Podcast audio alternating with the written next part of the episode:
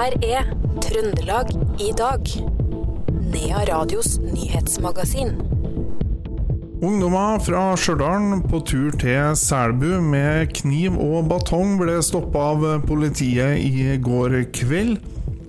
En lastebil med ammunisjon velta på E6 og stengte både jernbane, E14 og E6 i flere timer i formiddag.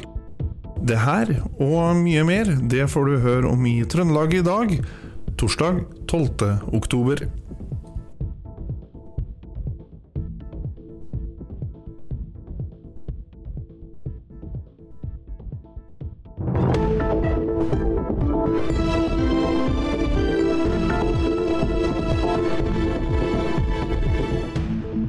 Vi starter dagens Trøndelag i dag i Selbu, for i går kveld ble en ungdomsgjeng fra Stjørdal stoppa av politiet i Selbu etter å ha framsatt trusler mot ungdommer i området. I bilen fant politiet en kniv og et slagvåpen. Politikontakt i Stjørdal, Hanne Blekkan, sier at eh, politiet ser alvorlig på hendelsen, og oppfordrer foreldre og unge i Selbu til å ta kontakt med politiet om de igjen skulle føle seg trua. Nå har politikontakten i Selbu og Foviken vært i kontakt med noen foreldre oppi der i dag. Og så eh, må de varsle. De må varsle politikontakt, varsle politiet hvis det skjer ting. Så skal vi følge opp på best mulig måte. Eh, Har du hørt noe om hva som er mm, på en måte kilden til denne konflikten? Nei, Det skal være noen Snapchat-gruppe da, som, eh, som det sies at eh, de ungdommene eh, i Selbu har sagt ting som de i Stjørdal ikke likte. Og så mener vel kanskje de i Selbu at det ikke var ment med alvor. Og så blir det tydeligvis en misforståelse her, da. Eller at man ikke er noen som ikke forteller sannheten. Men det er noen Snapchat-grupper. Og eh, det er ofte rotete mye vondt, de her gruppene som er på sosiale medier. fordi veldig mange involverte, og det, konflikten dreier seg kanskje om et fåtall av dem. Det er jo det som er veldig, at det er mange som blander seg inn, som egentlig ikke har noen rolle i konflikten i hele tatt. Det sa politikontakt i Stjørdal, Hanne Blekkan. Det pågår fortsatt demonstrasjoner i Oslo mot regjeringas håndtering av vindkraftsaken på Fosen. En av reineierne som gjerne kunne tenkt seg å dra til Oslo og vist sin støtte til demonstrantene, er reineier Arne Inge Sesseng Nordfjell. Det stemmer bra, det. Jeg skulle ønske jeg kunne vært i Oslo og støtta på Maxon, men nå sitter nå snøen begrensninger for det denne gangen. Du var med forrige gangen. Hvordan var det å være med på, så, på en så stor aksjon? Jo, det var jo Ja, hva skal jeg si? Det var vel egentlig en berg-og-dal-bane av hele følelsesregisteret, egentlig.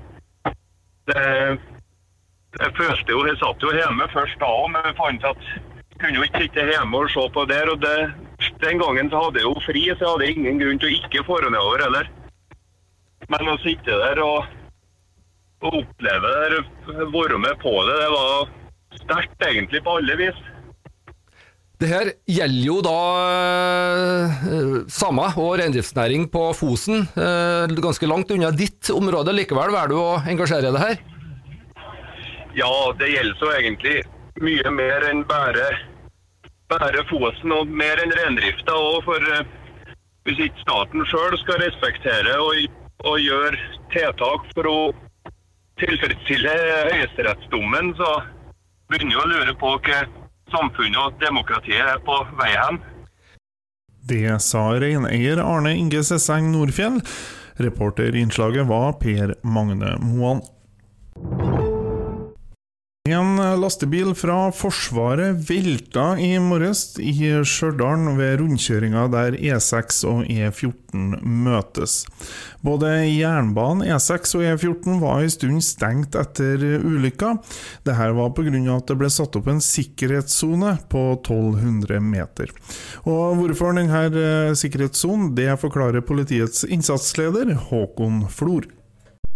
Ja, Grunnen var jo at eh, innholdet i den eh, containeren som forsvarsbilen eh, frakta, hadde en sikkerhetsavstand på rundt 1200 meter, den ammunisjonen som var inni der. Vi visste ikke hvordan tilstanden på ammunisjonen var, så derfor så ble den satt. Vi sperra trafikken inn mot stedet på de, alle aksene vi hadde muligheter til, samtidig som toget ble stoppa og Avinor ble varsla. Så det var grunnen.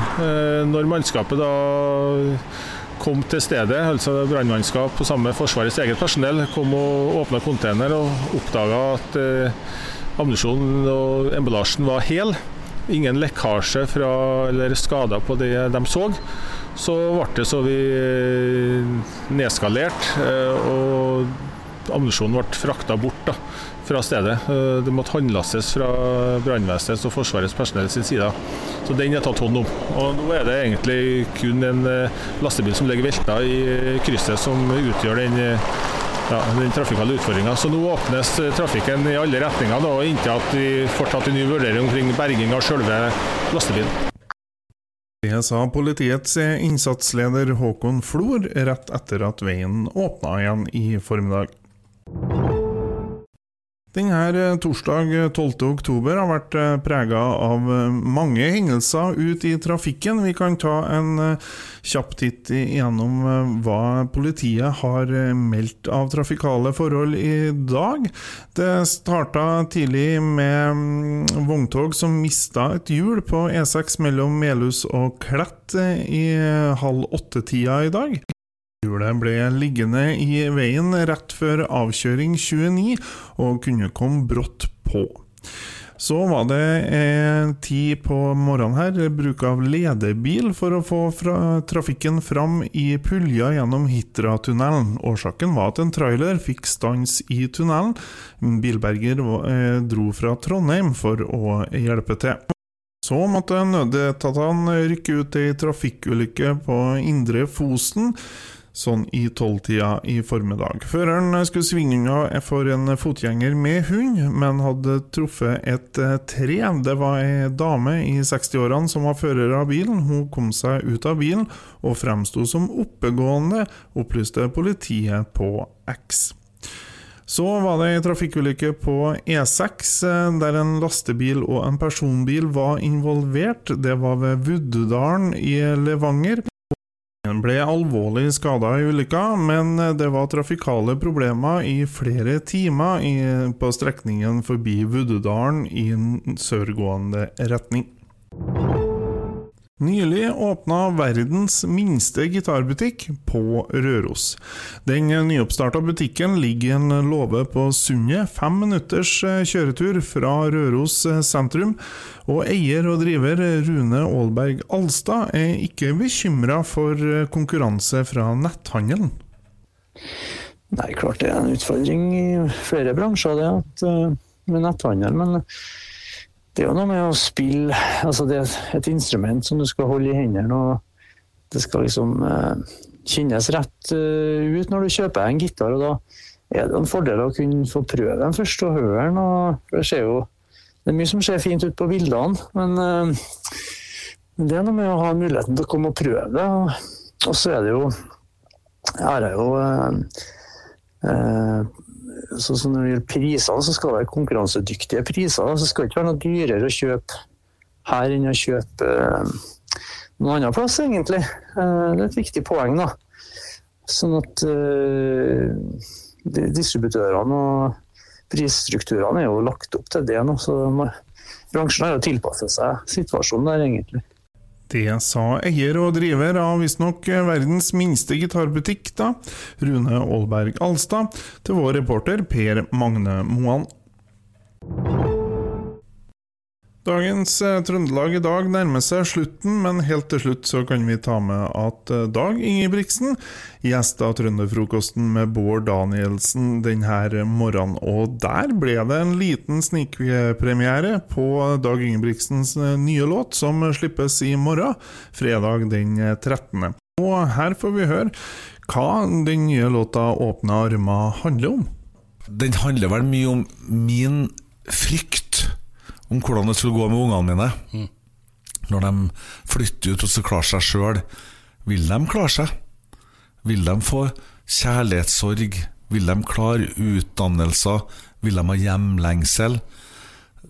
Hvordan vil det gå med dem? Vil de, vil de klare å betale regningene sine? Vil de klare forpliktelsene. Og de er jo ganske store i dag. Så det jeg prøver å fortelle, er at eh, her i Trondheim, hjemme hos meg, så er det i hvert fall alltid åpne armer.